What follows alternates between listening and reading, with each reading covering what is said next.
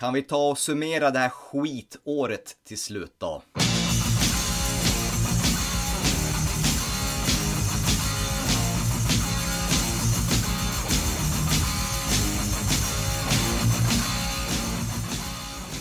Hej och välkommen till Metalpodden Det 107 avsnittet av denna lilla Denna lilla hobbyverksamhet som vi gillar så mycket att göra, som vi älskar att göra och eh, vid det här laget så vet väl ni som lyssnar att det är jag som är Erik och min poddkollega heter Thomas Hej, hej. Poddkollega ja. Eller så visste man inte det, att vi heter Erik och Thomas Kanske första gången du som lyssnar hör oss Det kan ju hända. Extra välkommen till dig i så fall Mm. Börja från avsnitt ett och jobba dig i kapp. Ja, så verkar många göra, det tycker jag är fascinerande Jag har en sån podd, eh, Lore heter den. Eh, hade 170 avsnitt att komma ikapp. Jag har 70 kvar ungefär. Ja, kämpa Mm. Som man säger. Hur är läget annars då med Västeråsaren? Eh, tack, det är bra. Försöker komma i julstämning. Sitter här och dricker eh, någon jävla julte.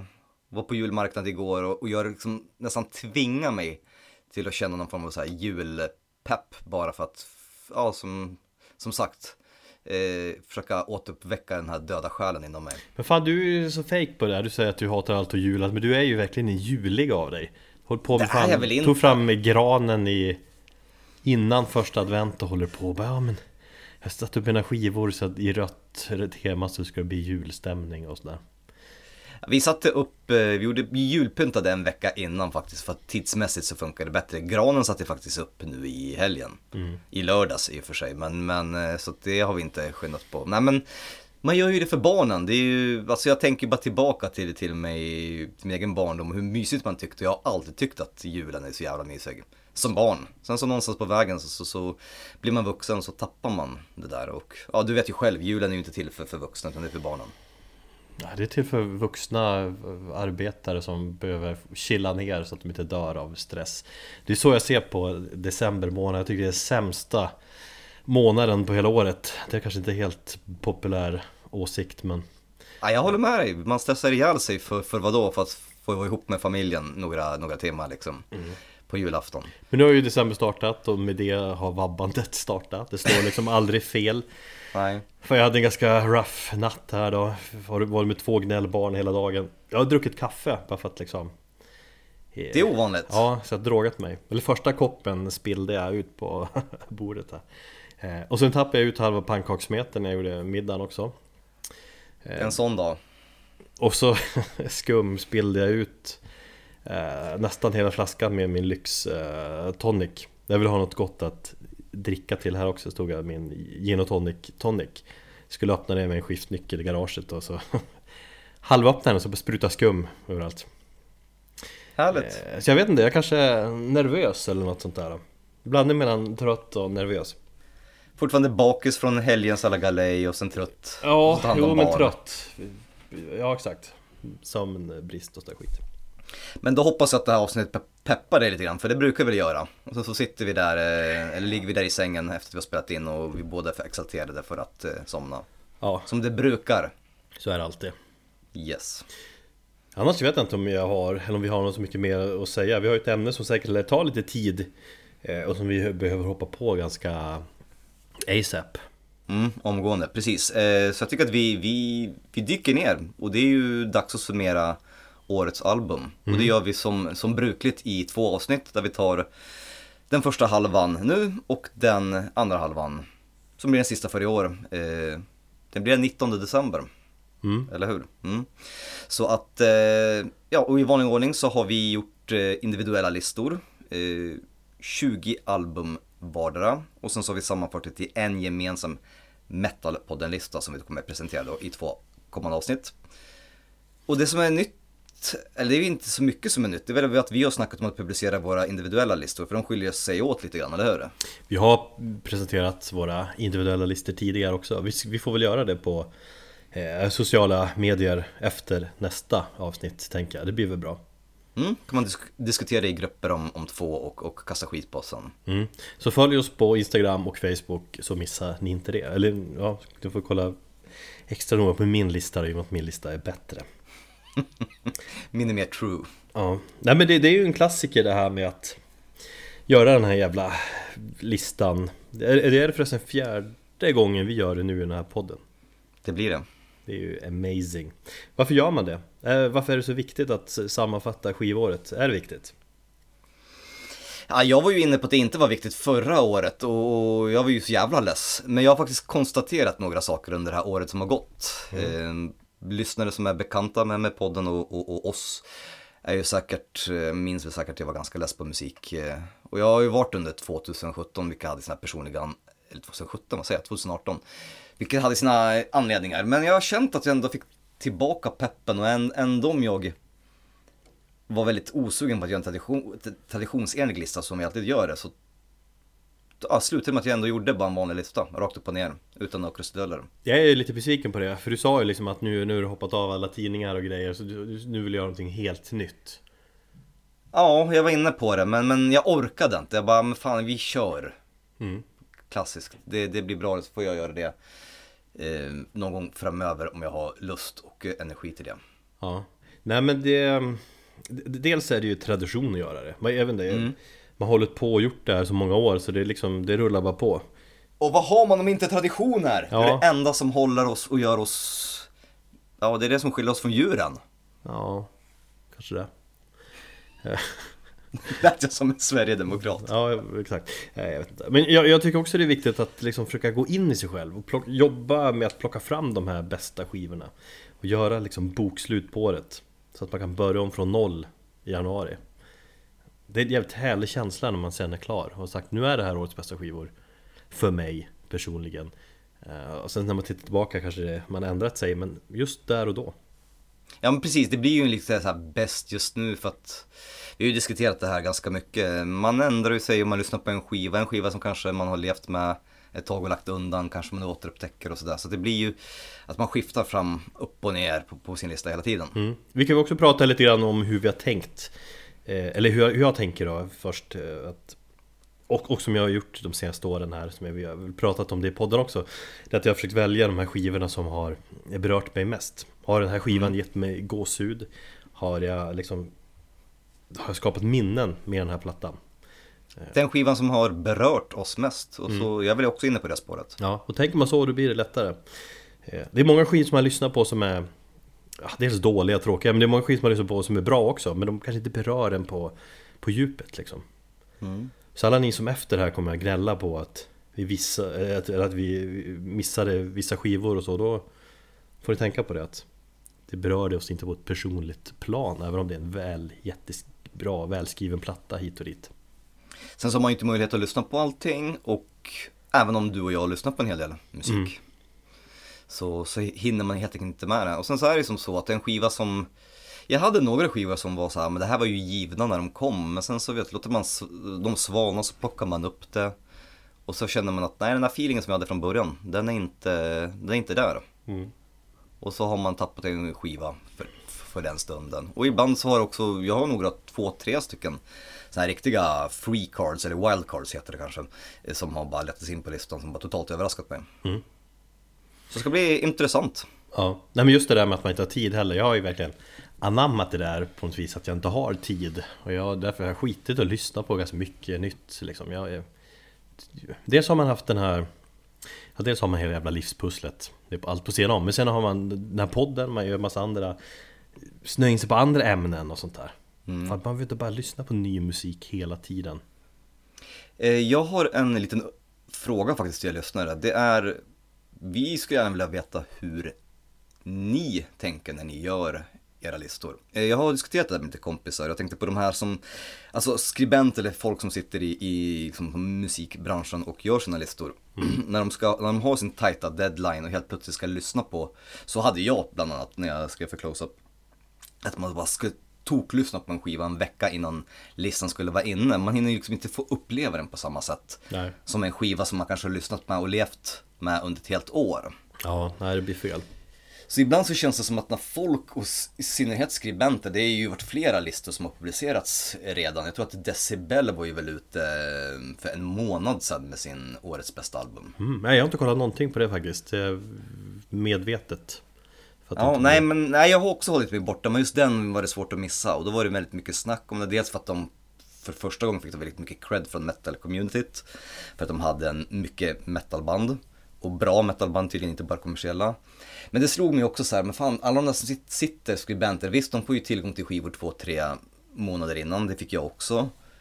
Men det blir fortfarande inte, det blir andra olika parametrar man, man, man eh, recenserar tycker till om en skiva en vecka innan deadline eller om du har ett halvår innan.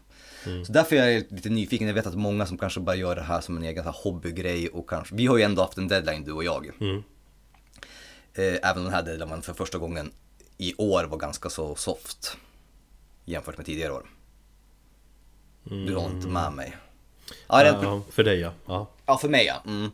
Men då undrar jag liksom bara, ja, hur gör ni när ni väljer ut vilka parametrar, vad går ni, vad, vilka omdömen går ni efter helt enkelt? Mm. Ja, det är intressant. Nu hoppar vi in på listan tycker jag.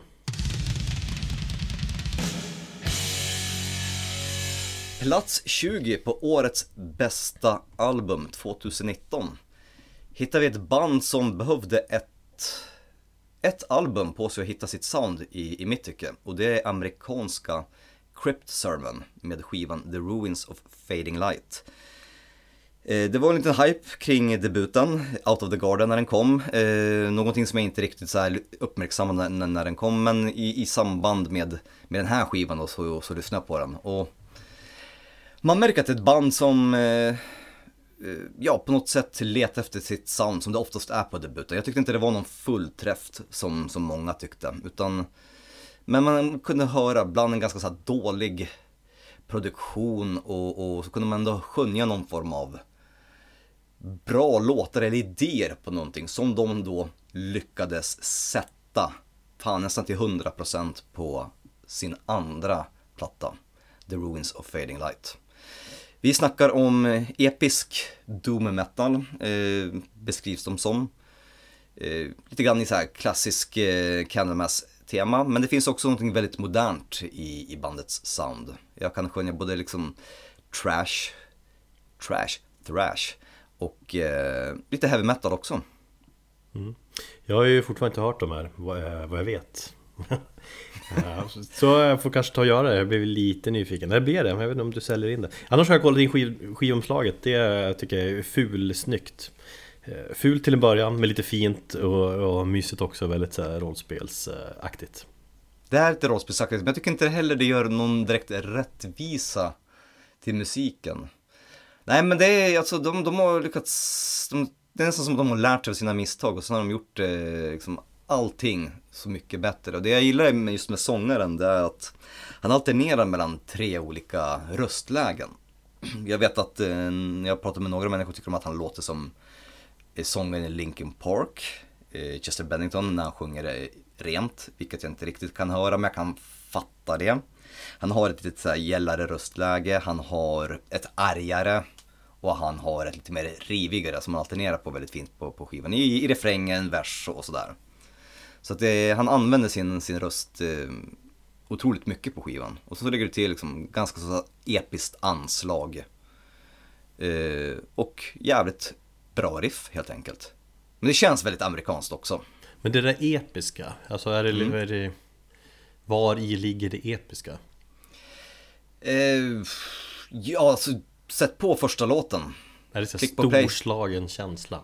Ja, precis, men det är lite så symfonisamplingar, det är ja, men episk doom metal, du kan göra det låter grandiost. Mm. Och lite grann som power metal kan göra också. Utan att du, alltså ta bort den här lökiga från power metal och lägg till liksom bara det episka anslaget. Mm. Att det, det, känns liksom, det känns stort. Crypt Sermon, The Ruins of Fading Light eh, är först ut på den här listan och den hittar vi på plats nummer 20. Vi lyssnar på låten Our Reverence Grave.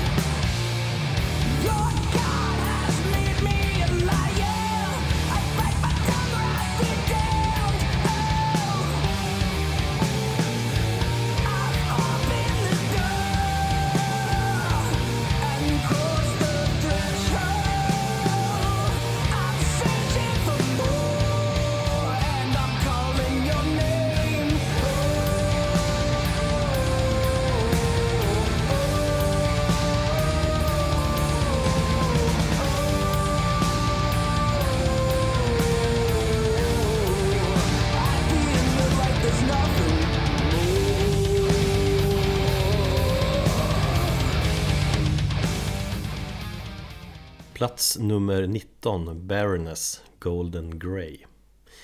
Fan jag har ju ångest fortfarande att jag missade deras konsert här på hus 7 nyligen. De spelade både på hus 7 och på Tele2 Arena som förband till Volbeat va? Ja, precis, dagen efter. Nej, de blev klara två dagar innan. Ehm, Så var det. Den här hus 7-spelningen på grund av någon inställd Finlandsspelning. Och så jobbar ju Linn sent varannan torsdag så det var ett litet lotteri där. Och jag drog en nitlott, fan också Tänk om de inte kommer igen nu, tänker jag. Tänk att, ja ja, vi fan På grund av den här spelningen, liksom att, ja, nu har vi ändå varit, vi var i Stockholm snabbis eh, Jag vill att de ska köra en egen sväng också, inte bara som förband till fucking jävla Volbit liksom Mm.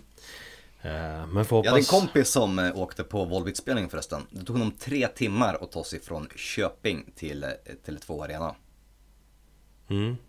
För det var så jävla mycket trafik och så mycket Volbeat. Det var tydligen Volbeat-fans över hela tåget från Västerås till, till Stockholm. Ja, det märks tydligt att det är nästa stora arena rockband eller att de är där. Jag såg liksom på mitt Facebook-flöde så var det så gamla klasskompisar som jag typ hade någon kontakt med. De hängde, det är Volbeat plötsligt som gäller. Jag bara okej. Ja, orimligt, men visst. Ja, eller finns det någon rimlighet i det också som i och för sig jag inte riktigt förstår men eh, Så är det. Skitsamma. Eh, du var ju Du var ju fan oberörd när spelningen blev klar. Du skickade en bild på dig själv när du satt på dass. Fan. Har du, har du liksom Du har ju själv berättat att du grät när du såg dem senast. Och så nu Ja. eftersom de släppte en skiva som Som du inte gillar produktionen på så bryr du dig plötsligt inte om, om bandet. Det är ju lite felaktigt. Jag säger inte att jag bryr mig om eh, bandet. Jag bryr mig inte om skivan för att det låter så jävla kast. Och jag blir fan provocerad bara jag tänker på det. Och jag tänkte jag ska försöka behålla lugnet så att jag inte liksom sitter här och skriker när vi pratar om den här skivan. Ehm, jag försökte faktiskt lyssna på den så sent som idag. Ja. Jag kan inte göra det. Nej. Och, och det är, jag, jag, jag har tänkt på det här liksom. Första gången jag hörde den, då var det på en, en promo och tänkte, ja men vad fan okej visst, det, det var inte, det var en stream, ganska kast så här, visst jag kan köpa det. Sen kom singlarna, jag lyssnade på den när den släpptes fysiskt, två vändor försökte med, det gick inte. Försökte lyssna på en enstaka låt på YouTube, gick inte. Försökte lyssna på den idag, det går inte på grund av att han kan John, vad heter den, Dyer Baisley kan ta sig sitt artistiska jävla tillvägagångssätt och stoppa upp det i stjärten. Det låter bara bajs. Mm. Ja, Erkänn att du har miss... vi, vi Erkänn att du har mixat, att du har, att du har failat med produktionen och mixningen. Ja, alltså är, är, en, är en bajskorv som inte går att polera som du har uttryckt det flera gånger? Eller är det enligt mig då också bandets eh, mest spännande skiva hittills? Eh, Men du har ändå, du har ändå lyssnat igenom skivan en gång typ? Två gånger. Ja. Och då har jag alltså verkligen tvingat mig själv till att göra det. Ja, nej, okej vi får börja med att diskutera produktionen tycker jag för att eh, Jag har faktiskt lagt ner en hel del tid att försöka förstå produktionen Eller att för, förstå valet av ja, hur, hur, som, hur, hur de har valt att skivan ska låta Eh, Okej. För det är ett val de har gjort det, det, det diskuteras ju om de har gjort av misstag eller inte Jag tror att det är ett misstag, eller jag tror att någon har fuckat upp mixningen, eller att han har ett sånt jävla ego, att han vägrar, eller bara omges av ja-sägare.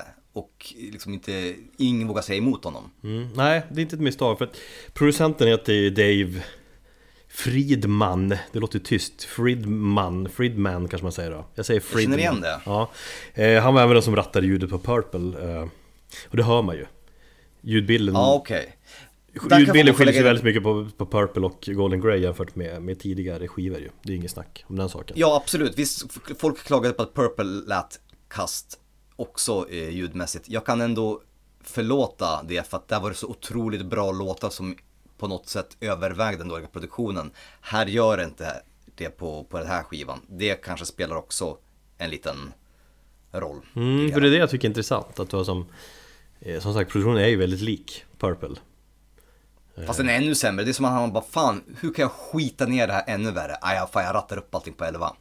Ja, Bara på med jävla loudness wars. 11, upp med rattarna, upp med rattarna. mm. Men om, om, om de hade varit missnöjda med Purple, alltså med det ljudet Så hade de ju inte fortsatt med den här Dave eh, Fridman Känns det som Han är en jävligt stor och respekterad producent Han har ju proddat massa skivor, vunnit grammisar och sådär Inte så mycket inom metal dock Eh, Nej. Men hur som helst så verkar han ha Han brukar ha en väldigt karaktäristisk ljudbild på de skivor han proddar. Väldigt så distinkt ljud. Eh, Och en ljudbild som Baroness uppenbarligen har gillat och velat ta. Så det kanske inte funkar så bra. Eh, Jag tror att de har varit ute efter någonting som är Som inte är så vanligt inom metal På ett vis. Att de, de har ändå där Folk sätter ju fortfarande att det är ett sludgeband liksom. Mm. Jag tror inte de vill ha med det så mycket att göra. Jag vet inte. Eh, att jag kan låter... tänka mig att de, de kanske är ute efter någon garage-rockkänsla. Mm, eller såhär noise-känsla som jag fattar när jag lyssnar lite grann på den där Friedmans andra plattor och sådär. Eh, att det låter som att slår igenom ibland, man pratar om eh, clipping. Mm. Eh, och att ha en skiva som har ett väldigt litet dynamiskt omfång och som känns komprimerad som fan, det är väl kanske inte, kanske inte vad man vill ha, men jag tror att den här Friedmans ljudbild passar bättre, liksom mer för ja, men annan typ av band och Baroness de har ju mycket men, melodi och mycket skön sång och sådär. Ja, men var det inte någon under hela den här processen som bara Hallå, hör ni inte hur det här låter? Mm. Det var ändå, det är ett dubbelalbum, alltså de har ju lyssnat och gått igenom, vad är det, hur många låtar är det? 15-16 stycken? 18? Ja, ja jag vet, jag ser inte det som ett det, dubbelalbum. Men... Det, nej men okej, okay, det är ett gäng låtar och någonstans borde någon väl ha stannat upp, hallå, det här låter som en bajskorv. Ja, alltså jag läser på ett forum om det ljudet, det diskuteras som fan eh, och ren... det, är, det är diskussioner överallt på nätet. Rena så Varenda... sådana där Dave Fridman-fans som gillar hans andra verk men inte har någon koll på Baroness. De älskar ljudet, de tycker liksom att Ja men det är fan så här Friedman låter, det är så här att, att det, jag antar att det är en vanesak Eller beroende på vart man kommer ifrån. Eh, Du vet skönheten finns i betraktarens öga, eller öra i detta fall. Mm -hmm, mm. Och i det fallet är det ju ah, Det är så fascinerande att det är så många som hatar ljudbilden medan andra verkligen gillar den. Jag, alltså jag skulle jättegärna vilja gilla det albumet men för mig förstör det. Och jag försökte att lyssna den på olika eh, jag vet inte hur den låter på vinyl, har du den på vinyl, hur låter den bättre? Ja, det gör den. Purple låter också mycket bättre eh, på vinyl. Eh, För det beror ju mycket också vilket format man lyssnar på. Ja men liksom just att såga album, album enbart på grund av produktion Jag vet inte. Alltså jag tänker Death Magnetic Magnetic, Magnetic. Eh, Den låter också mycket bättre på vinyl. Det finns ju till och med en databas som heter typ Loudnesswar.info ja, där, där man kan se den här Dynamic Range eh, Hur den skiljer på olika plattor och jämför även olika format. Och Purple låter Eller, eller det här dynamiska omfånget är mycket bättre Större på, på vinyl. Eh, Och även Golden Grey, det tycker jag att man hör jag har försökt lyssna på den på olika eh, strömningstjänster, Spotify, Apple Music, på YouTube i, i, i tron om att det kanske var deras komprimering vid uppladdningen som varit fel. Mm. Men det har liksom inte funkat och för mig så, alltså det är tyvärr, det, det överväger för mycket och det Ja, det förstör. Mm. Jag, kan, jag kan köpa det, det resonemanget som du, du lägger fram här nu. Även om jag, jag tror någonstans också att det känns nästan som att han också har blivit lite grann av en sån banddiktator, att han alltid har varit. Nu snackar vi om att det finns flera bandmedlemmar som har lämnat Baroness. Mm. Inte då bara på grund av den här liksom bussolyckan där de båda, både trummisen och basisten lämnade på grund av att de kände att de var färdiga med bandet. Utan bara allmänt, efter det så hoppade ju gitarristen av. Var det innan Gina kom in. Mm. Mm. Så det bara känns som att han bestämmer väldigt mycket och när han bara säger att det var ett arti artistiskt statement så, så Ja, jag har lite svårt att köpa det. För att jag tycker att det, någonstans borde man bara höra som musiker att vad fan, det här låter ju inget bra. Eller så ja, är det någon... jag, har inte, jag köper inte det, eller jag, jag har inte den känslan av att det är liksom ett one man project på det viset. Jag får, den här skivan tycker jag verkligen känns som ett band effort, som att alla bidrar med jävligt mycket. För om, och om vi hoppar det här ljudsnacket nu och pratar om, om musiken då så tycker jag ändå att Golden Grey är ännu ett ytterligare steg ut i det här okända och liksom ut i rymden, ut i, fri, ut i friheten. Vissa pratar ju fortfarande som sagt om Baroness som ett jävla sludgeband och eh, Då har man fan ingen koll alls för vad Baroness är. De, Nej, Man har ju tagit tusen steg från den här sludge-grejen nu Och jag älskar fan det. Sen att det är rätt många som har svårt för det då, liksom, liksom det här är ju inte mitt Baroness, det, det köper jag också.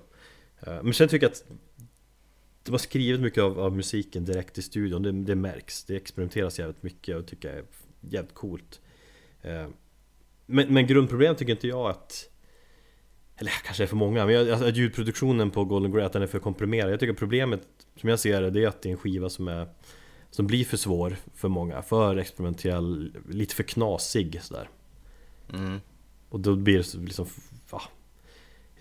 Jag vet inte Personligen tycker jag också att de, de, har, de har fan några av deras bästa låtar de har skrivit Men också Kreativt som sagt jävligt bra och någonting annat står ut tycker jag liksom att Verkligen alla band hörs Gina, jag tycker hon får ta jävligt mycket uppmärksamhet Jag tycker trummorna och basen är Jävligt Alltså, höga hen- hennes, jag tänkte på den här singeln som hon släppte där hon sjunger och skrålar med i refrängen. Mm. Hon hörs ju knappt där.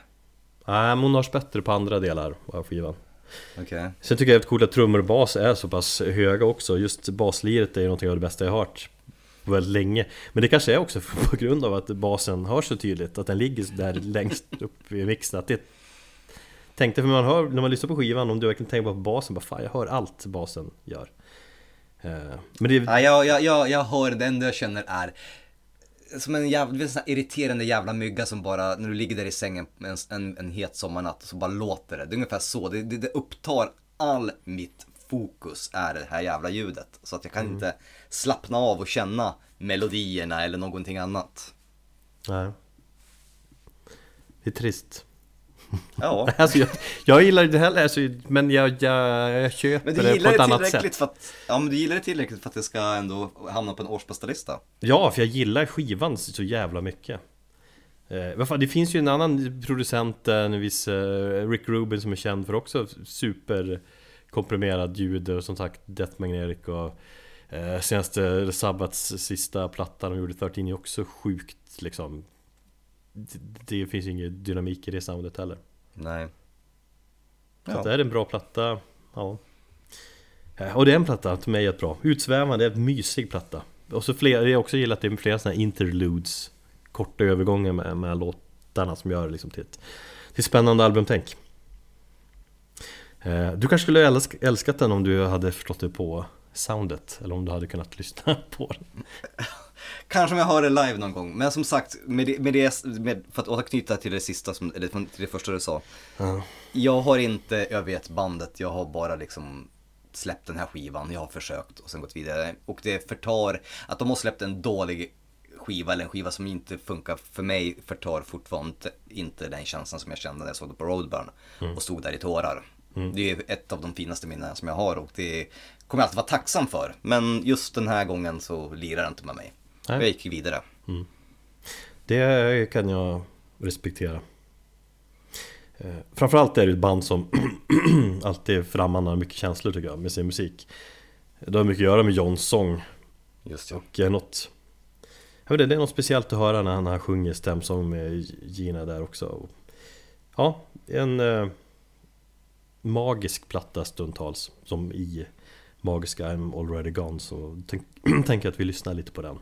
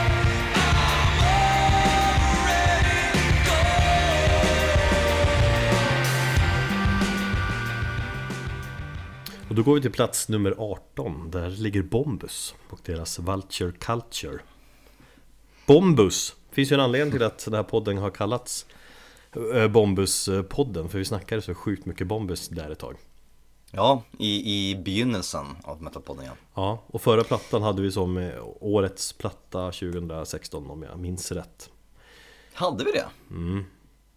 Okej, det kanske vi hade. Det Det är, minns jag faktiskt det inte. är 99% säker på All right. Och nu är fjärde plattan här Det släpptes ganska nyligt, 15 november Mm.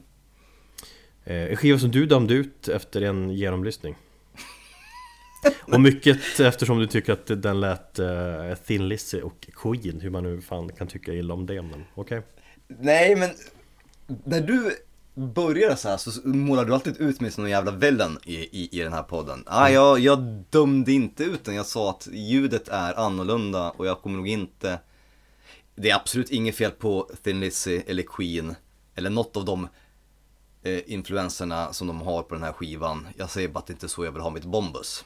Och jag respekterar att Bombus kanske inte vill låta som de gör på Biblical och vara liksom, ja, råa, spela punk och ha uh, dubbelsång i, i var och varannan låt. Att de också vill utveck- uh, utveckla sig. Så det, felet ligger ju mer i så fall hos mig. Men det, jag vill bara göra en liten liknelse. Alltså, jag respekterar det de gör. Jag tycker att den har faktiskt vuxit en hel del efter det. Även om jag fortfarande säger att jag vill föredra mitt Bombus punkigare. Eh, det finns många, några riktigt bra låtar. De har alltid ett jävligt starkt introspår. Eh, titelspåret tycker jag också är riktigt bra. Och det går igenom alla deras skivor. Att just introspåret och titelspåret är typ de låtarna som står ut mest.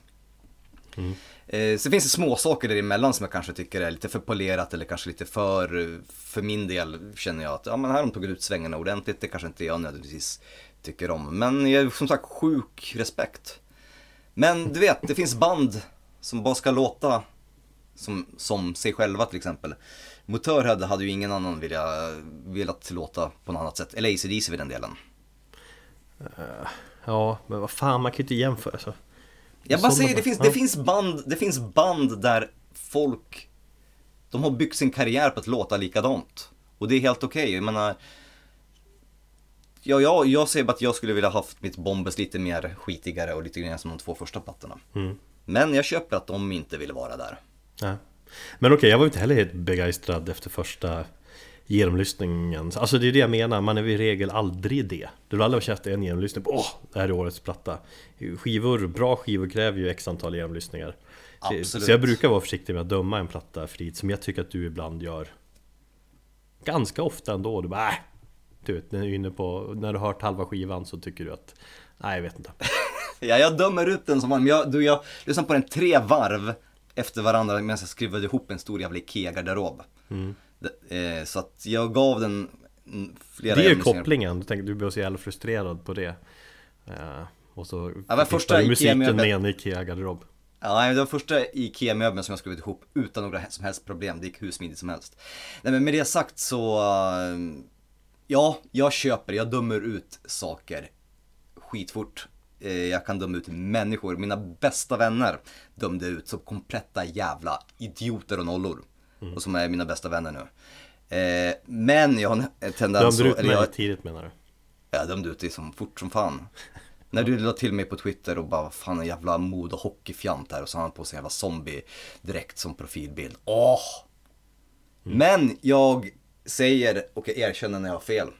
Bra Det är jag, det är jag bra på. Ja Jag tycker att eh, Vulture Culture, den bjuder på, den bjuder på tunggung och väldigt eh, melodisk platta. Grymma riff, storslagna refränger, det är ju sjukt mycket bombus. Eh, Feffe har ju fortfarande en sån jävla cool och, och rå pipa, jag går liksom alltid igång På det här bandet, alltid när jag hör hans sång så blir jag alltid åh! Fan, jag kan ju inte sluta tänka på när han eh, låter som eh, Petter Dolving. Nej, Just den där lilla versen där. Precis Kanske vi, vi får lyssna på alldeles strax Eh, Men jag tycker han varierar sången jävligt bra också Han sjunger ju Oväntat fint på balladaktiga eh, It's All Over där Och som sagt Mm. titelspåret så sjunger han li- lite låtar som Dolving inledningsvis Mm. Eh, Och jag tycker som vanligt så hör man i musiken eh, influenser från alla möjliga håll. Det tycker jag man alltid har gjort i Bombus. Det är, visst, det är mycket Motorhead, det är klassisk heavy metal, det är fan dödsinfluenser. Det, Queen och Thin Lizzy tycker jag du ändå var klockren att du sa. Det finns sådana vibbar. Mm. Eh, och mycket 80-tal. Det gör också att liksom hela albumtänket blir tydligare. Det, det är liksom inte bara samma sak. Utan det är mer variation. Man tänker Bombus tänker album. Mm. Istället för att bara köra Ja liksom. det gör de verkligen. Och därför blir det mycket intressantare än liksom ett, ett Motorhead som har släppt tusen skivor Där mycket låter ju samma liksom. Det är fan inte lika intressant. Ja men sen ska det ha varit mycket betydligt lättare att skriva den här plattan än tidigare också. De har haft massa mycket eh, Material att välja på. Mycket av materialet har funnits väldigt länge. Låtar som kanske inte riktigt har funkat tidigare Som de har Du vet, som inte varit helt klara. Så har de arrat om låten och känt att ah, nu funkar det Eh, Så jag tycker man kan känna igen sitt Bombus. Jag, du målar upp som att det är en ny grej de gör, jag tycker inte det. Att Visst, det finns lite nytänk men mycket tycker jag är det Bombus man älskar.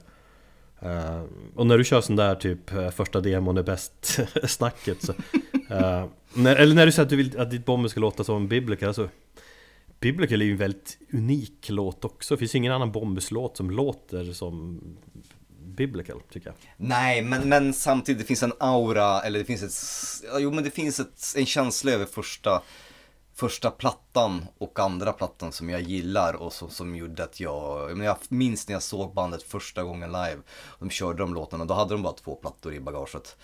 Och det var bara, Ja det var lite råare sådär. det var rått, det var, alltså det var stentufft. Och, och, och jag diggade det och nu blev det så här. Ja, jag, jag blev så kär i det då. Ja.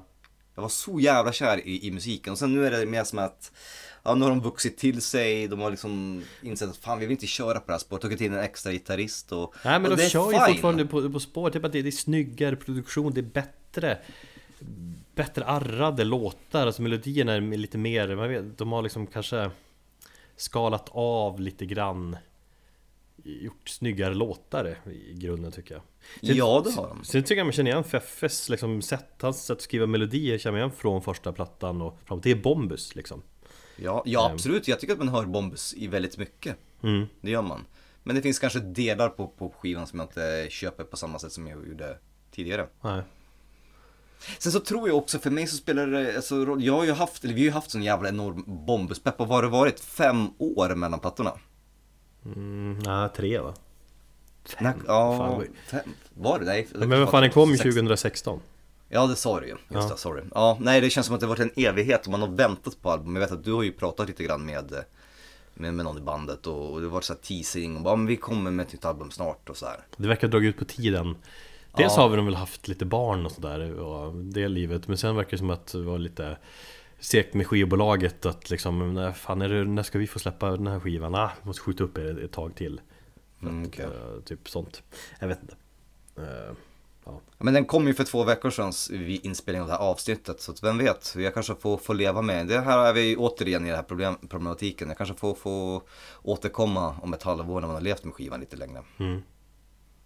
Eh, Men det ligger ändå lite grann, ni får jag kanske hålla med om att det är lite ett nytt band också Basisten Ola har ju Han har ju varit med hela vägen, nu han kom väl in väldigt sent inför förra plat- plattan tror jag Han var inte med och skrev Mm. någonting Eh, men nu har de ju skrivit mycket, eller de har jammat mycket i replokalen. Förra plattan var ju helt skriven i studion eh, Om jag förstod det eh, Jag har förstått det rätt. Sen har man ju en tredje gitarrist där i Simon som ja, det, det, inbi- det inbillar jag mig att det, det hörs liksom att han finns där för det känns som att han Känns som att han kryddar soundet på flera ställen. Typ att han får lägga in ett filter till med detaljer som gör det hela lite mer levande. Ja, det är de där detaljerna som jag har märkt och som jag inte kanske har tagit till mig på riktigt. För det sa du också till mig. Jag bara, här hör man någonting som är, lyssna på den här skivan, jag lyssnar på titelspåret. Jag minns att du sa det till mig. Ja, Där hör man någonting jävligt snyggt liksom. ja Det är små detaljer som jag inte har lyckats, kanske tagit till mig. Nej, och som du kanske tänker att du vill, du vill ha lite råare och enklare och inte lika Mm. Ja det, De här detaljerna, så det är svårt att tänka på det kanske Vad vet jag? Ehm, ja, nej men så här, förra plattan var, den var väl kanske lite mer Det var lite mer kraftfulla refränger, tänk mer arena rock på något vis. Jo. Och innan dess tycker jag det var Lite flummigare om man ska liksom hårdra. Det, inte lika rakt på sak. Jag tycker att det är fan en blandning på den här plattan. Det är lite best of Bombus Tänk. Mer varierat, det är mer olika tempon. Det är en jävla powerballad typ, så att det är fan Albumtänk, albumtänk ska alltid hyllas. Powerballaden var faktiskt den låt som växte vid flera genomlyssningar. Ja den är fan bra. Och den har visst varit med typ 10 år eller något sånt där. Åh fan. Tycker att man hör. Feffe är kung Och de andra. Så att eh, Vi lyssnar på titelspåret Vulture Culture från plattan Vulture Culture med bandet Bombus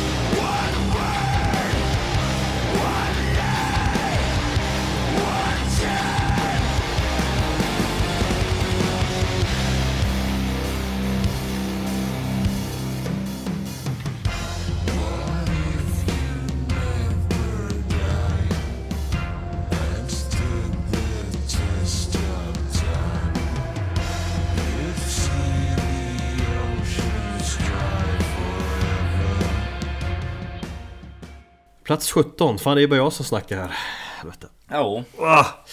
Plats jag är 17 tillbaka. Ja, Mr. Loves Company eh, Zero heter plattan Mr. Loves Company är ett av mina absoluta favoritband från mitt 90-tal De är tillbaka med ny platta 19 år senare, det här vet alla som lyssnade på förra avsnittet och så också Eh, Inte så många som vet vad jag tycker om plattan Nej, och vad jag har förstått så har den vuxit så enormt också efter eh, våran intervju med eh, Patrik. Ja, det har de verkligen. Alltså jag hade ju Jag hade ju höga förväntningar Eh, Man var så förväntansfull och Man hade ju hört många låtar innan De, hade, de har ju släppt tror, fyra låtar innan Fyra av tio låtar, nästan halva plattan Ja. Jag vet inte, jag tyckte om det där Jag är, jag är tveksam till det där När man hör typ tre, fyra låtar av en skiva Innan, ni sabbar mer tycker jag Jag vill max höra en låt, eller kanske två För annars så får låtarna som Som redan har släppts Och som man lyssnat på, liksom, de får ett försprång Som man inte kan ta igen när skivan kommer Det blir liksom eh, obalanserat I, obalanserat van, ja, I vanliga fall så håller jag med dig till 100%. Eh, likadant var det med Crypt Sermon. Eh, men där funkar det på helt annorlunda sätt för min del.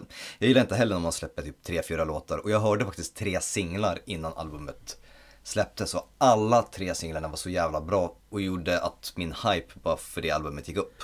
Det är väl det som Så är det kan- tanken, att man ska hålla för det om man ska jämföra med förr i tiden, om man ska vara lite så här nostalgisk eller Ja. bakåtsträvande så är det ju eh, Då släppte man typ en singel innan plattan Precis. Men det var då, Nu är nu. nu är nu Så att det är väl så man jobbar, sen har de ju Skrivit lite låtar och testat släppa och se hur det känns eh, Och sen har de valt att ta med alla, alla låtarna på, alla singlarna på, på skivan Och det är fine Mm. Eh, jag, vet, jag har lyssnat jävligt mycket på den här plattan Jag har ju ägt den i en Ja, vad är det? Månad typ, lite mer kanske En och en halv, Mm. två, jag vet inte eh, På CD, så att jag har slagit på den i vardagsrummet sent på kvällen och Somnat till den Det har känts lite tryggt att Patrik Wirén har nattat mig flera, flera gånger Men samtidigt inte den mest koncentrerade lyssningen då heller Nej, du, du var ju lite rädd, på, eh, rädd för om det där var bra eller dålig recension, att man somnade till en platta. Ja, eller hur?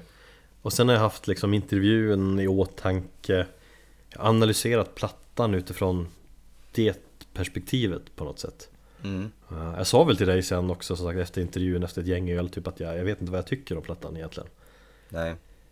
Eh, Sen, sen dess har den faktiskt vuxit så in i, i bomben jag, jag slappnade av efter intervjun Skivan kom fram på ett annat sätt Så kan det vara. Så kan det vara eh, men Sen har jag lyssnat på plattan väldigt många gånger och sagt och jag jag, det, jag blir fascinerad av att den är så jävla lång, 52 minuter Det har inte känts som det när jag lyssnat på, på CD Och så när man tittar på Spotify och ser längden, bara, oj Det är ju ett bra tecken antar jag Ja. ja. Den känns inte så lång när man, eh, när man tänker på den. Nej man gör inte det. Och jag tror att det är tecken på att det är en bra platta. Det, Visst det är det är så, jag, det, det känns väl som en, en naturlig Utveckling från Your vision was never mine to share Jag tror Patrik menar väl också det att de hade, det var där de verkligen hittade sitt sound Så de ville väl fortsätta med det. Mm. Industrimetal i snygg eh, produktion och så är jävligt svag för Virens liksom karaktäristiska sångröst. Den är liksom så Jag vet inte, det- jag vet inte om du håller med men den är jävligt vemodig och så finns det en ilska där som man aldrig liksom släpper loss Det är den där ilskan som är lite svårt att se i honom när vi, vi sitter där i, på kontoret och intervjuar honom. Ja, För att han är ju aldrig någonsin gett sken av att vara liksom en arg eller ilsken man utan han är så jäkla trevlig och ödmjuk. Så att, men någonstans där inuti så kanske det finns. Det finns ju ett mörker där. Eh, Jag hade önskat att vi skulle hade liksom kommit mer på djupet på Patrik i intervjun. Eller kommit åt mörkret eh, någonstans. Det lyckades vi inte alls med. Han var ju så jävla trevlig och liksom eh, ödmjuk. Men jag snackar om honom faktiskt på Ja men i lördags när vi var på förfest innan eh, besvärjelsen och eh, domkraft där. Mm. eh, Annan person som kände Patrik också som sa liksom att men han är Han är så jävla trevlig liksom. Det finns ingen mörker i honom. Och för mig liksom bara, bara ja, Det finns någonstans inom honom men det kanske fanns mer förut liksom För 20 år sedan, vad vet jag? Jo. Eh, Men så, man känner igen sitt Mr. Loves Company ändå. Eh, Samtidigt finns det någonting nytt i skivan som jag gillar Att den står liksom på egna ben. Eh, Jag tänker att den borde locka både gamla fans och de som Tidigare inte haft någon bakgrund till bandet. Eller vad känner du? Har, har du liksom Du som inte är ett gammalt fan, känner du att den här Den här har något Nu ska jag börja lyssna på Mr. Loves Company Nej, jag tyckte den här var, nu har jag som sagt sämre koll på deras tidigare mm, musik men Euro, Euro, Eurovision-skivan och den här känns ju som att de är lite mer, ja som du själv säger, eh, där bandet egentligen ville vara. mm. Ljud, eh, liksom, ljudmässigt eller soundmässigt. Eh, jag gillar den, jag tycker den är, jag vet inte om det är rätt ord, men jag tycker den var mysig. Jag tänker till- tillbaka på den här lilla premiärlyssningen jag hade av vinylen när jag satt i soffan Mm. jobbat 12 timmar, hällde upp en öl och satt vid mitt tända ljus i, i soffan i mörkret och bara hade på den i bakgrunden så jag och Karo bara pratade. Och det var jävligt skönt att bara ha på den där i bakgrunden. Hon gillar den som fan också. Mm. Ja, den är bra. Ja, den, ja, den är fan mysig. Mm. Jag var ju, en del av mig var ju orolig att skivan skulle kännas som en besvikelse liksom, att de har tappat allt. Det finns, det finns ingen ungdomlig glöd kvar längre så men jag Ja, det tror, kan jag förstå. Ja, men jag tror nu att den är, det känns ändå bättre än vad jag trodde att den skulle vara. Så det, det är fan en inspirerande platta. Jag älskar Dead Streets, den är så jävla bra den låten. Ja, den är så det, jävla bra. det är min favoritlåt. Men den spelade vi i förra avsnittet så därför lyssnar vi på inledningsspåret istället.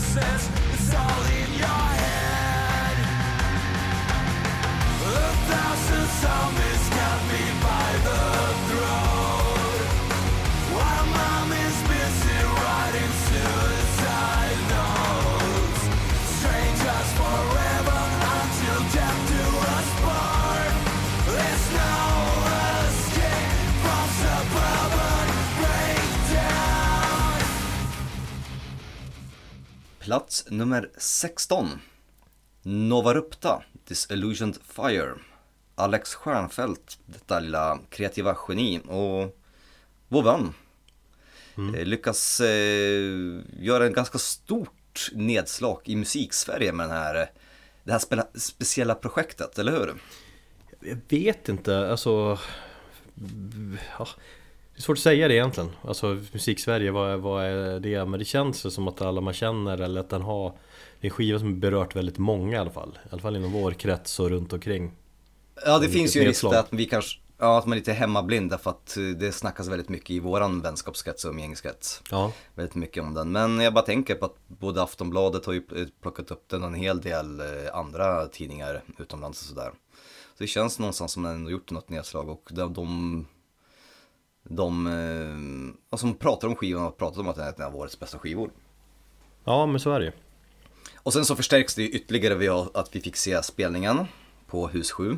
Mm. Ehm, som kändes som en så här once in a lifetime grej där de lyckades få alla åtta sångare var det väl, Ja. för mig.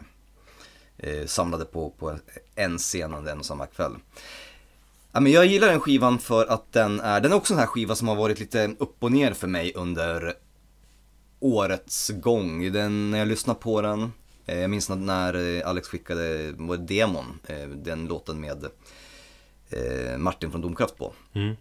Jag tyckte den lät jävligt bra. Den var ju lite mer åt postrock-hållet. Jag fick lite så här, ja, någon form av Joy Division går eh, lite hårdare feeling över den låten. Och sen så när hela albumet kom så lyssnade jag på den väldigt intensivt. Sen så försvann den lite grann under sommaren. Och sen när det var dags att summera årsbästa listan här i höst så började jag plocka upp den. Och så, där. så den har verkligen gått så runt eh, ja, hela varvet på min lista.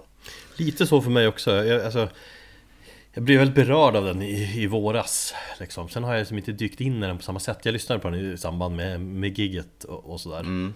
Men det är en skiva som jag, jag vill ha kvar den känslan jag hade på den, när jag lyssnade på den i våras. För då blev jag väldigt berörd. Alltså det är en skiva som ligger, den känns ganska nära på något sätt. I och med att man, man känner Alex lite grann, man vet lite grann om vad han har gått igenom. Man vet att det, Jo. det är verkligen mycket ångest i den här plattan. På, på, I musiken så Det är mycket känslor där. Och det, ja, det känner man. Framförallt så gillar jag att den är så, att den är spretig, alltså spretig på ett bra sätt för att alla artister, eller alla sångare har ju liksom satt sin egen prägel på låten. Eh, med sin sång. Mm. Eh, och som jag, som jag nämnde tidigare, den låten med Martin, Domkra, eh, med Martin från Domkraft är min favoritlåt. Det var även den låten som jag tyckte var bäst på live. Det var så jävla mycket känsla i hans i skrik, eller hans, hans sång. Väldigt mycket vemod där också. Och man kunde verkligen ta på ångesten när han sjöng den. Ja, jag tycker, fast live tycker jag nästan Stanne var bäst. Stanne tycker jag också var bra och, och Jörgen Sandströms eh, insats tycker jag också är jävligt bra. Det är väl de låtarna som sticker ut. Men alltså den, den, är, den växlar ju, alltså, visst det kanske finns en tråd där med att det är ångest och, och mörkt. Men jag tycker ändå den rör sig ganska, ganska brett. Det finns någon, här, någon, någon, någon grund med post metal eh, som, som skivan står i. Men sen så spretar den ganska mycket och det, det diggar jag. Men det känns fortfarande som att den är enhetlig. Men det är just kanske för att det är så pass tydligt att det är en sångare per låt. Ja, det hade varit intressant att höra den bara med en sångare. Då hade den ju garanterat inte känts lika eh, bred liksom. Nej, och det hade förmodligen inte kanske blivit lika uppmärksammat heller. Nej. Det Jag hör mycket, Ja.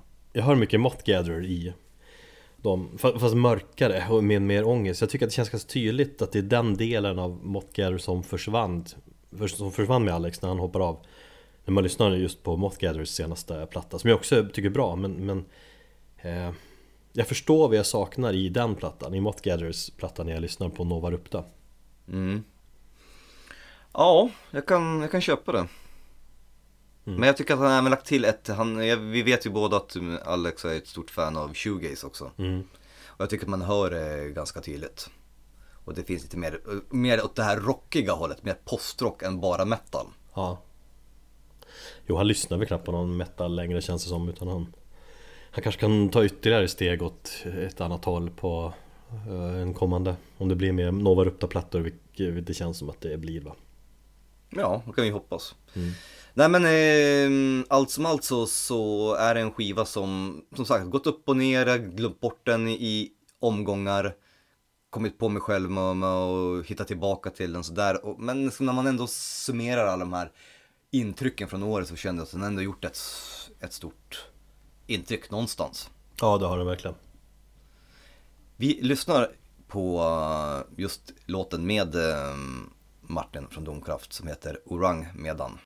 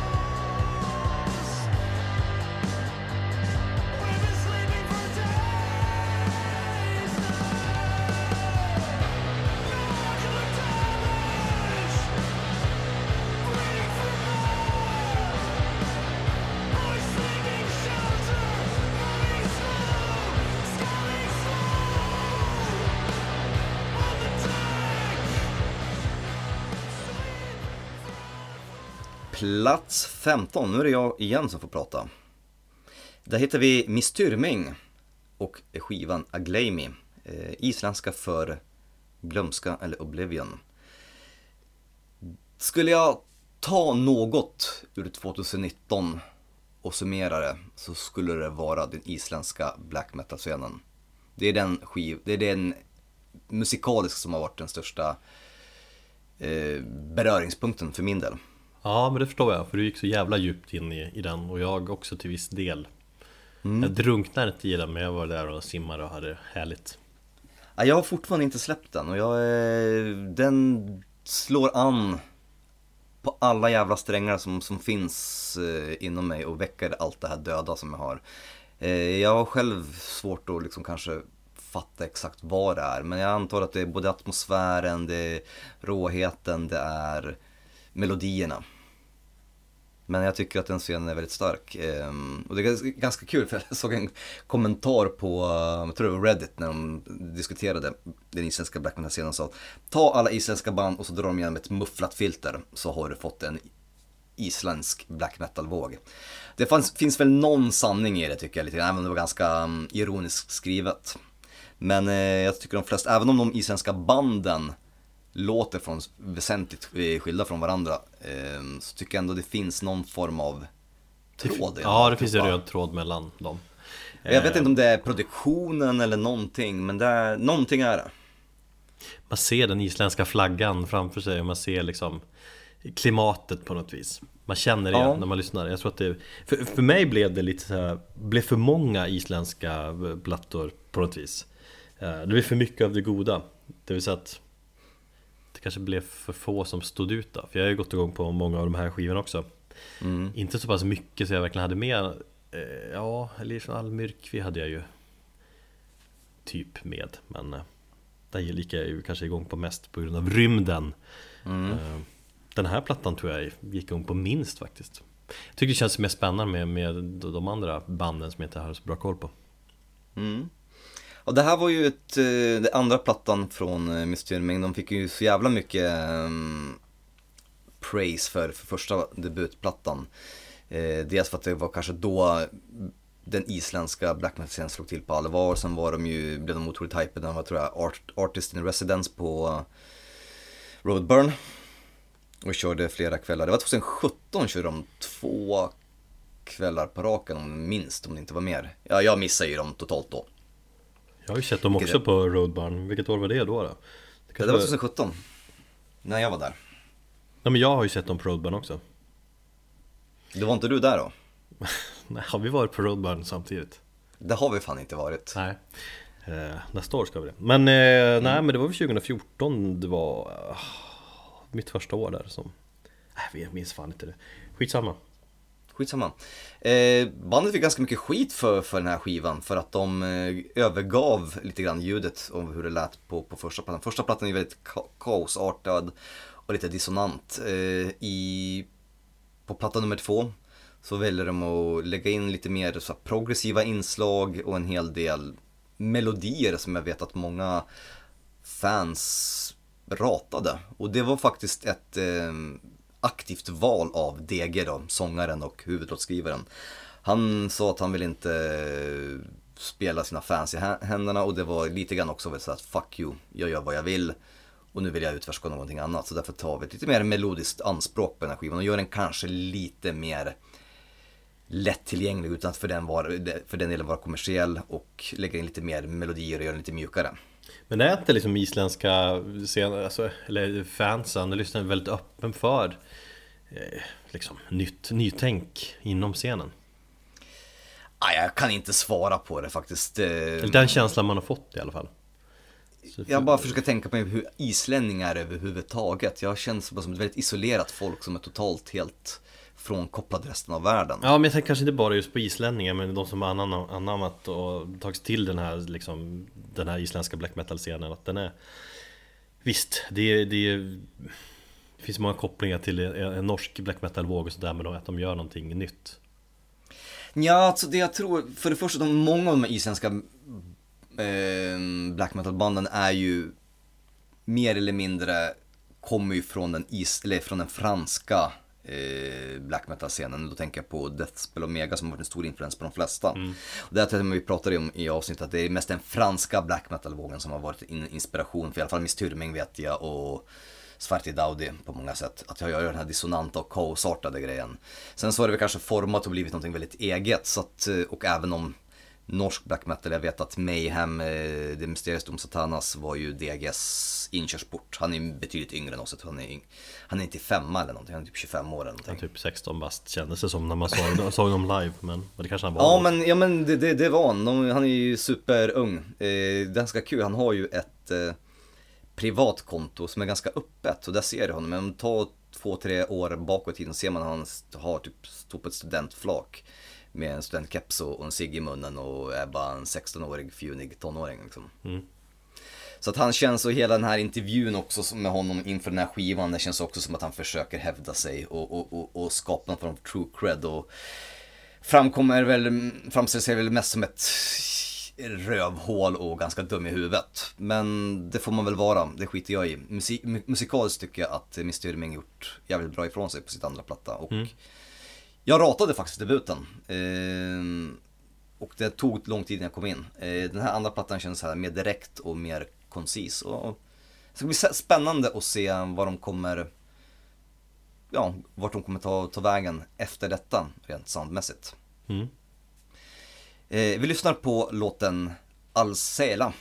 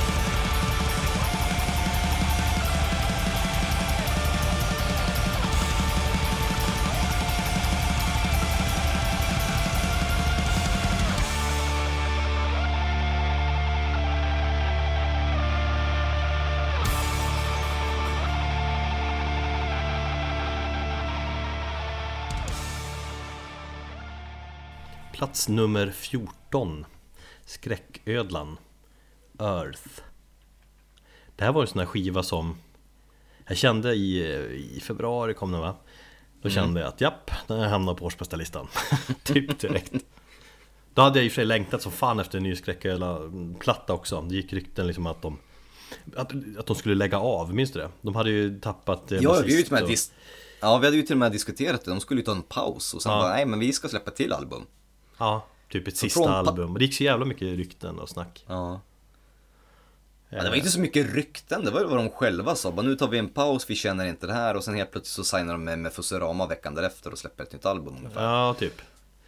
Exakt, för då, plötsligt det var en massa strul och sånt där och det kändes som att äh, det här bandet kommer ju typ lägga av, vad fan också. Och så kom plattan och så nu är de ju Nu är de ju fan större än, någonsin känns det som, vilket är jävligt kul. Ja, Jag tror jag sett dem live minst tre gånger i år. Jag funderar på om jag sett dem fyra gånger. Ja, nu till helgen skulle man kunna se dem igen då, men då väljer jag att se Mr. Loves Company och Katatonia istället. just ja. Jag kan inte se liksom ett band fyra, fem gånger på ett år. Nej, det går ju inte. Nej, det går fan inte. Men jag blev kär i plattan på en gång. Mycket för att den är så annorlunda. Det gör ju den här äh, författaren Nils Håkansson som har specialskrivit en sci-fi story som de har anpassat musiken till. Alltså så som jag har förstått det har de inte att texten anpassas till musiken utan tvärtom. De har försökt skriva musik som passar in i, i berättelsen. Okej, så det är alltså en story som är skriven för skivan? Ja. Och, Okej. och det resultatet tycker jag blev spännande. Att de tänker liksom storymässigt och bara hur ska vi liksom musikaliskt eh, skriva musik som passar i det här. Mm. Så blir ett annat tänk och det, ja Jag tycker att det, det hörs De är ju på många sätt ett av Sveriges mest originella band. Det kan jag hålla med om. Med deras, ja, halvpsykedeliska stoner på svenska. Eh, Och just de här texterna om diverse monster och, mammutar och bläckfiskar och så. Visst det är ju lite mastodonskt Men det är ändå, de gör ändå sin egen grej. Eh, Och det är därför jag gillar också att de har gått ännu ett steg Vidare med den här plattan. Det blir liksom en På något sätt blir en ny touch på, på stonen. Det är mysigt och spännande och Just när folk vågar utmana, sånt är jag ju svag för. Fan stoner om någonting är en genre som är ganska trång egentligen. Ja. Jag lyssnade på en intervju med Josh Homme, han var hos eh, Joe Rogan. Just det, den där ja. Eh, Ja, han pratade typ i tre timmar om allt. Det är ju underhållande att lyssna på. Och röker på va? Nej. Men det känns som det. Eh, Men han, men han pratade lite grann om Kaios tiden då i alla fall. Att det, det han gjorde blev liksom urtypen av det här stoner rock. Men att han själv ville gå vidare Vilket liksom inte var acceptabelt. Alltså det, det är därför jag håller Josh Homme så jävla högt. Jag fan- jag kan ju liksom sitter och himla med ögonen åt folk som bara Ska gnälla vid varje jävla ny Queens of Stones platta att det inte är Kaios Ja. det är sånt extremt jävla bakåtsträveri Tänk acceptera, acceptera istället att att Josh när han var 14 bast och joinade det som blev Kaius Att han var med och skapade genren som sen alla stoners har dyrkat sen dess. Men att han är en musiker som är så extremt mycket mer. Och det är någonting, alltså, fan väldigt svårt överhuvudtaget i den här metalgenren, Att musiken som jag Som jag älskar, att den är så jävla, det, det här eviga bakåtsträvandet Det är äckligt! Öppna upp era sinnen.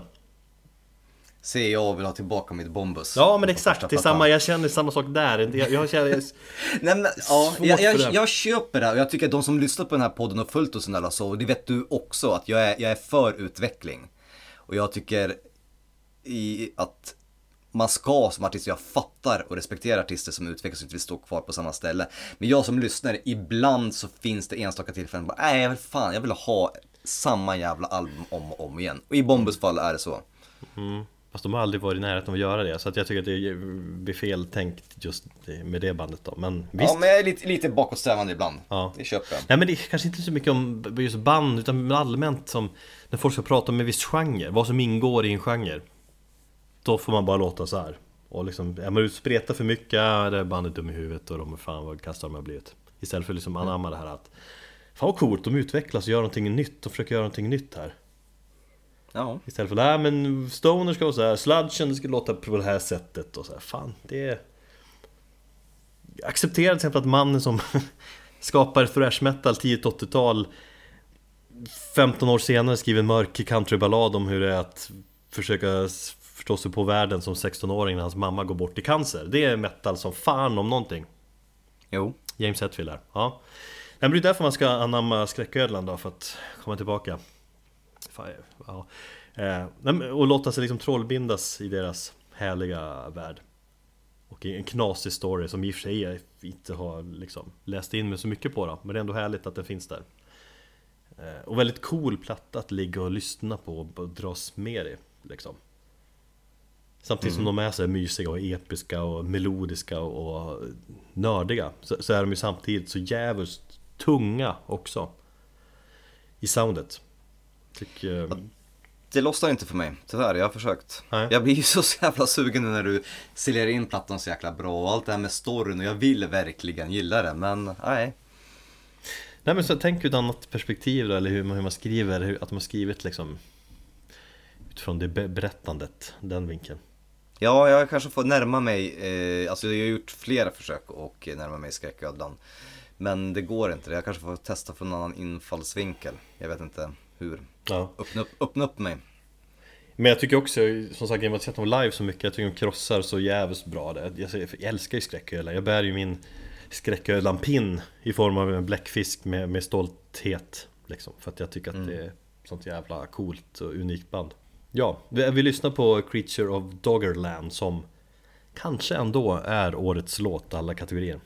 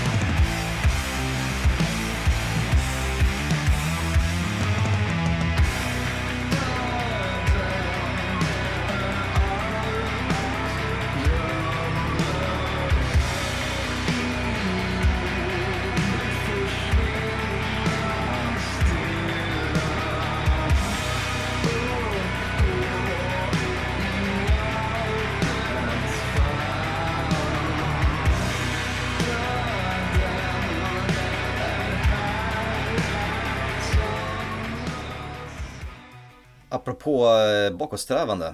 Eh, man kan ju kanske inte direkt kalla, jo, Dark Throne har ju visst utvecklats. De är inte speciellt mycket bakåtsträvande.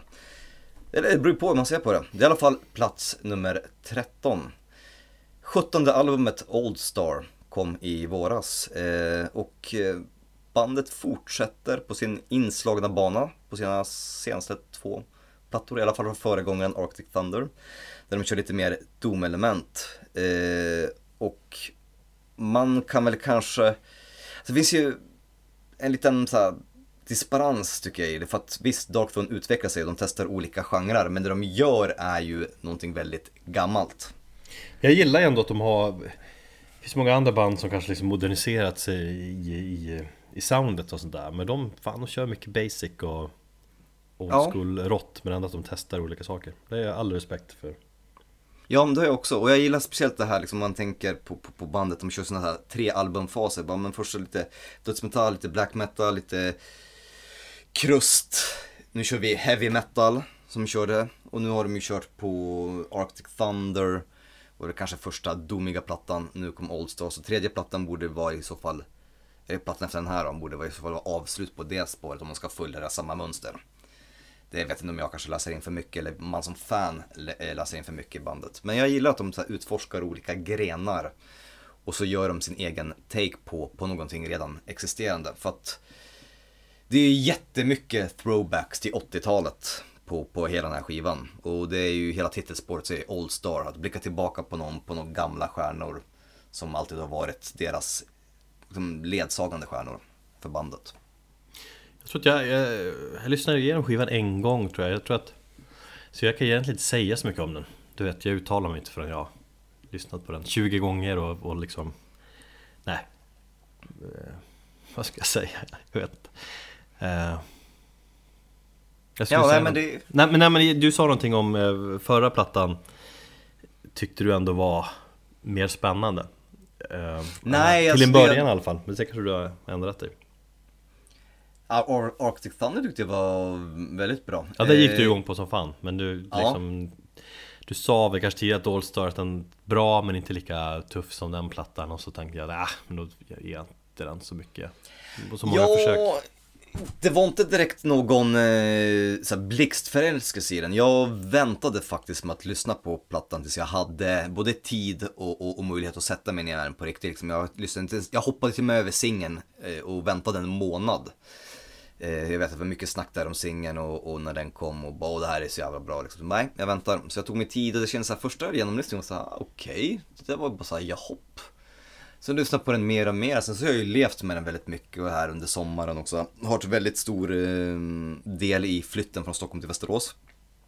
Och varit liksom på något sätt också fått en, en personlig koppling till den. Och så inser jag att så den är jävligt cool och det är delar som sticker ut. Det är, det är ju som sagt, det är det här riffen. Och jag tycker att inledningsriffet i andra låten, Hardship of the Scots, även den som kom som singel, är typ det snyggaste i år.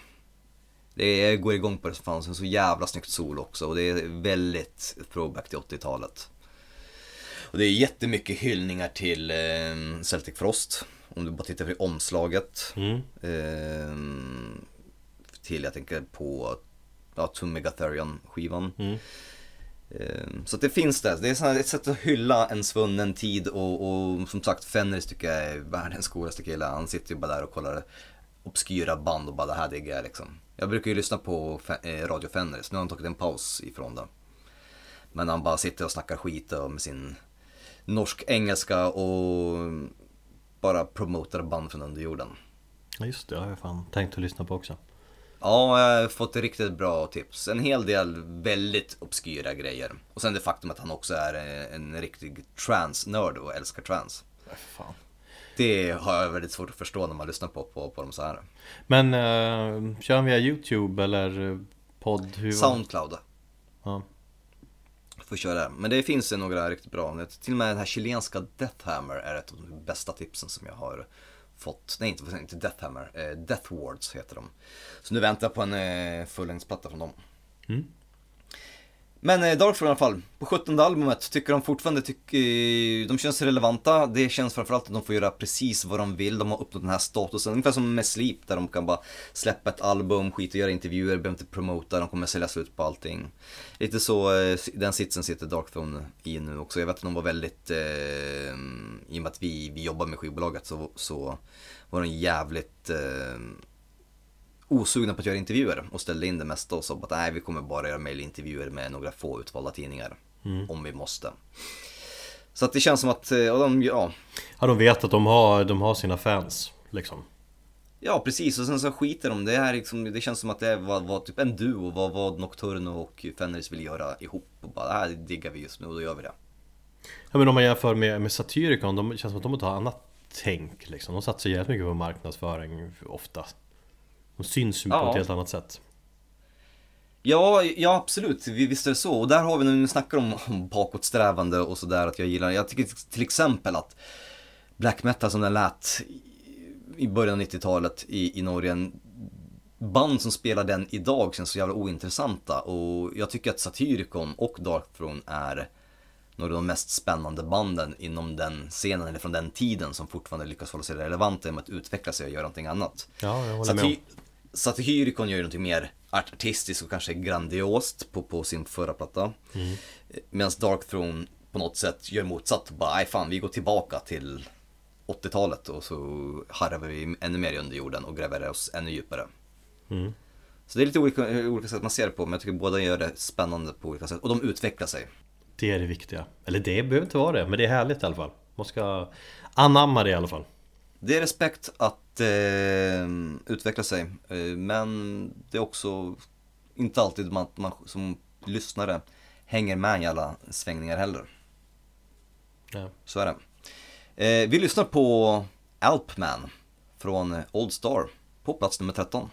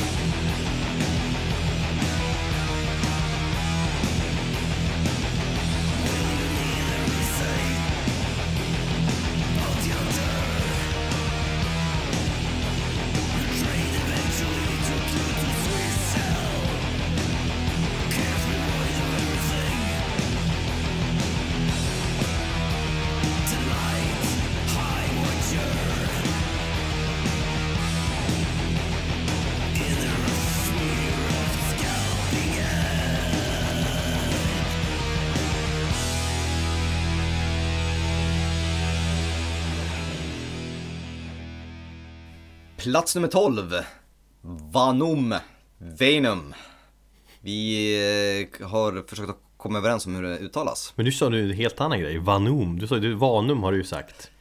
Jag kollade upp det. Eh, och eh, på latin så säger man vanum. Alltså det är latinskt. Det är latinskt och det är den tredje formen eh, av ordet också. Jag tror att det böjs eh, vanus, vana, Anus. eh, vanum. Ja. Betyder eh, tom, eh, urhålig, eh, ytlig, falsk, opolitlig. Men det är allt som plattan inte är, eller? Det är precis motsatsen till, till hela plattan och hela bandet. Vanum då, som vi väljer att kalla dem här, eh, släppte ju sin Elemental Black Metal eh, ganska tidigt eh, 2019, men den har faktiskt, jag har brytt med mig under hela året. Eh, en platta som jag tycker produktionsmässigt är kanske, inte det bästa, men hur otroligt viktig produktionen har blivit eh, när man lyssnar på plattan och tittar på omslaget och, och hela helhetsgreppet om skivan, vad de vill göra. Redan när du tar upp omslaget och, och tittar på det så har du ju den här, en klassisk oljemålning med stor brand. Vi, vi har ju båda diskuterat om hur, hur snygga vi tyckte att omslaget var. Mm. Jag tror till och med vi pratade om det tidigt i år, när vi pratade om den här skivan och jag bara kände att det här kommer jag älska. Jag såg det direkt på, på omslaget. Ja det är sjukt snyggt omslag och jag, jag minns att jag gillade den här plattan också Jag var ju sugen på att köpa den eh, Dels på grund av omslaget men också för att jag gillade skivan och det old school-tänket på något vis Men, men eh, den gjorde ett intryck men sen glömde jag liksom bort den Bland alla andra hundratals plattor och så kan det ju bli Jo, så kan det bli ibland. Jag har faktiskt sagt upp eh, omslaget som en tavla i vardagsrummet. Jag tyckte det var så jävla snyggt. Jag ville ha den. Men redan i alla fall där så kände jag bara att jag vet hur det här kommer låta. Och allting infriades när jag hörde det. Och det är till skillnad ifrån K. Morgans och andra projekt, Ashborer som är mer kall, repetitiv, lite mer old school black metal. Så är det här varm produktion och varm black metal. Jag kan inte förklara det mer än så att jag tycker att det, det låter väldigt varmt om hela skivan. Och jag tycker att det går i hand i hand med, med, med det han berättar om skivan, om att det handlar om gamla eldar, alltså bildligt och talat då. Eh, som brinner inom en och som metafor för livet och för olika mm, krig som man utkämpar. Både interna och fysiska krig på, på slagfält. Om man, lys- eh, om man eh, läser texterna så får man väldigt mycket, det känslan. det är väldigt så här, ganska så här klassisk eh, klassisk, ja vad ska man säga, ja, men klassiska texter om olika slagfält på olika sätt. Och nej, den skivan, den, eh, den berör alltså första spåret när den kommer in och gitarrerna. Det, det blir, sen vet jag att folk har lite, kanske lite invändningar mot hans sångstil och den kanske inte är den vackraste. Jag kan väl köpa att han är kanske inte är den bästa um, growlaren sådär men på något sätt så, så skaver hans sång ganska mycket i så här och det blir en kontrast mot de här jättefina och varma melodierna på skivan. Så det är en skiva som jag verkligen har burit med mig och det var en sån här skiva som jag också la undan lite grann under, under sommaren. Så när jag plockade upp den här i höstas så fick jag exakt samma känsla som när jag lyssnade på den i början av året. Vi lyssnar på låten Under the Banner of Death på plats nummer 12.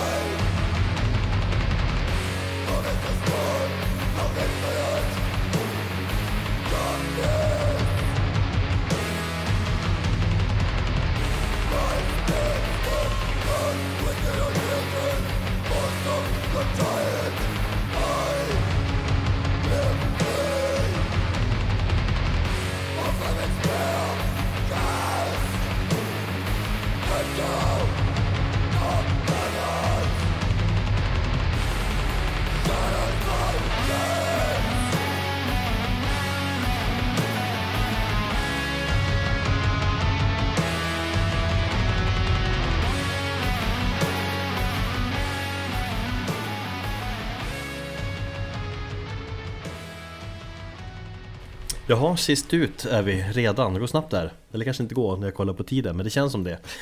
20 minuter har vi bara snackat om polerade bajskorv. Ja, men fan ibland måste man göra det också. Ja. Plats nummer 11, plats nummer 11 Slipknot, We Are Not Your Kind. Fan, det har varit mycket Slipknot i år känner jag. Jag har inte skrivit, någon, skrivit ner ett enda ord här vad jag ska, ska säga, men skitsamma. Eh, vi har snackat mycket Slipknot i Metalpodden nu. Visst är det lite, att det var lite oväntat? Jag vet att eh, minnen från en CD-samling körde du. I det avsnitt, avsnittet snackade du om eh, Just det, ja, det har jag nästan glömt bort. Mm. I skräckavsnittet snackade vi Slipknot. Ja, Eh, du har pratat om skivan. Ja. Jag prat- pratade om skivan, eller jag pratade väl om eh, Vi pratade om sommarlåtar och då pratade jag Slipknot och så här. Eh, Och nu blir det ännu mer Slipknot, vad fan är det som försiggår här egentligen? Slipknot-podden eh, Men det är lite så jag känner inför den här plattan allmänt Att jag blev nästan förvånad över hur mycket jag liksom gillar den och vilken, vilken kick jag fick av den. Jag har inte tyckt att, liksom, att de har varit särskilt spännande eh, på- många år, alltså de två senaste plattorna har jag tyckt att, äh, jag vet inte. De, jag, jag har släppt dem. Senast jag gick igång på dem var liksom Volume 3 och den kom Den släpptes fan 2004 och jag kände liksom känner nu nästan, plötsligt liksom nästan lika mycket kärlek till det bandet nu som jag gjorde och kände då.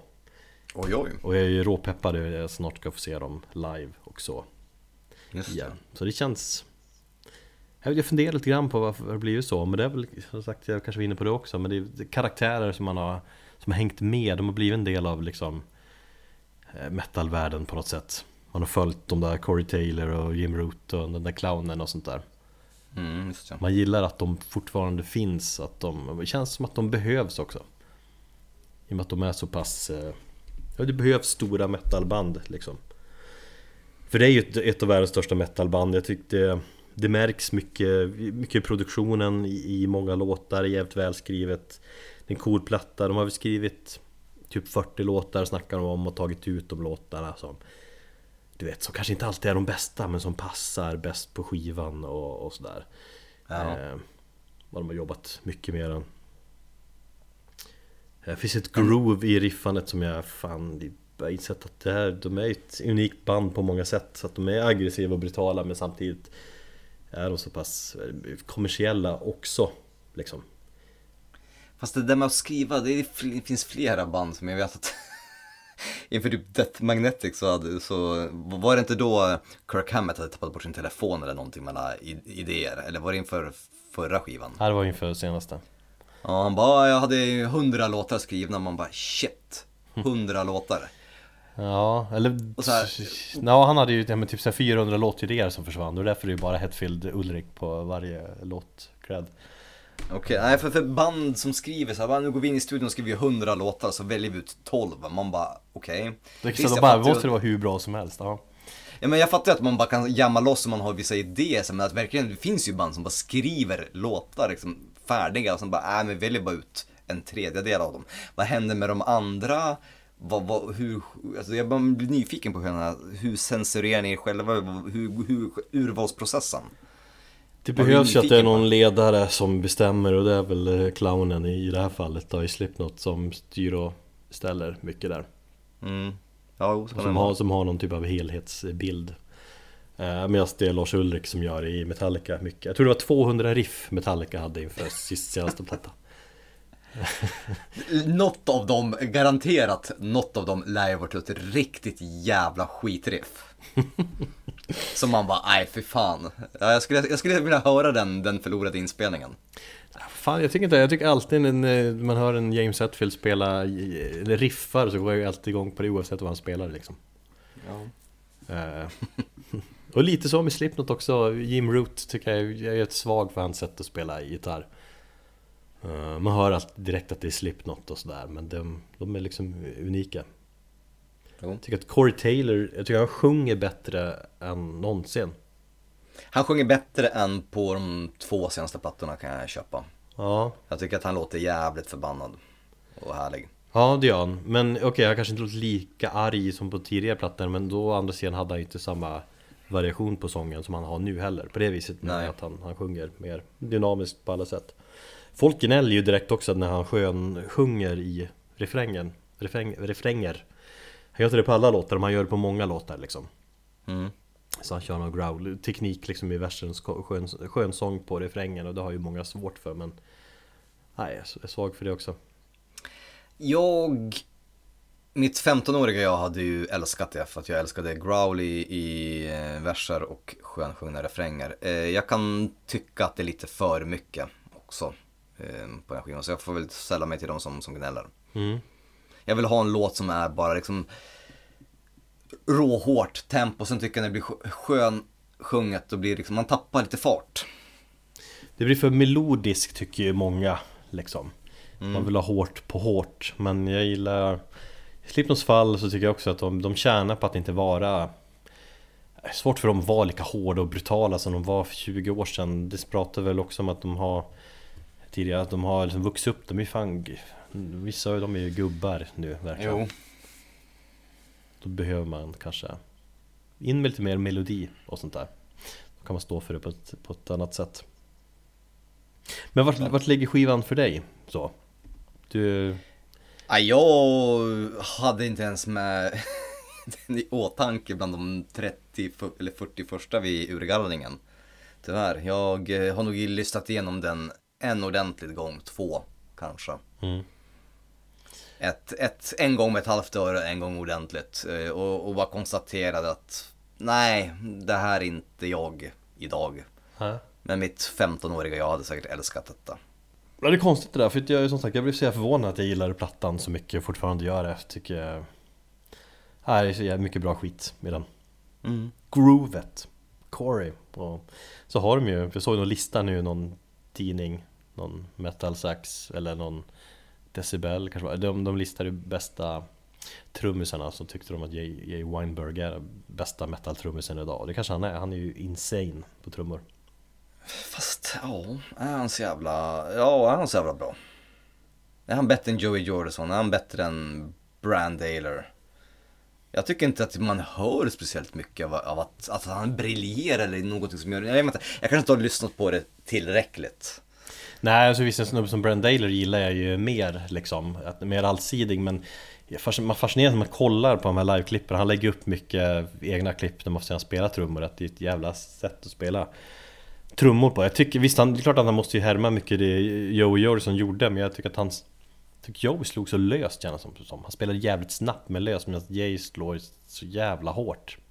Mm. Eh, Det finns vissa trummisar som man gillar att titta på. Han är en sån alltså. Han är en sån trummis. Mm. Sen är det lite fuskigt att de har varit ett band i 25 år eh, Men så har de en 25-årig trummis Jo, precis. Fuskigt på något vis Han var ju bara en spermie när de bildades liksom. Ja Exakt. Uh, Ja.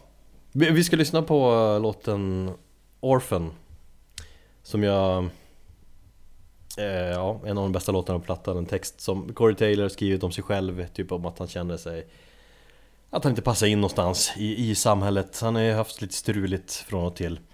Han känner sig ensam och känner sig föräldralös bildligt talat på det sättet och typiskt också balt, coolt och skevt riffande från Jim Root som jag Ja, ett typexempel på varför jag är svag för hans sätt att spela gitarr Så det tycker jag hörs tydligt på den här låten Mm. Och med det var vi klara med plats 20 till 11 Precis.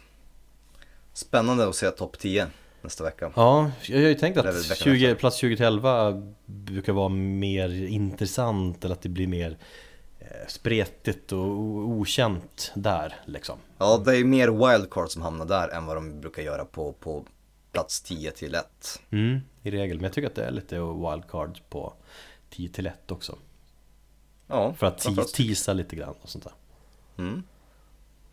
Gott så. mm. Nu ser vi på Slipknot. Då tackar vi för oss, tack och hej Ta hand om er.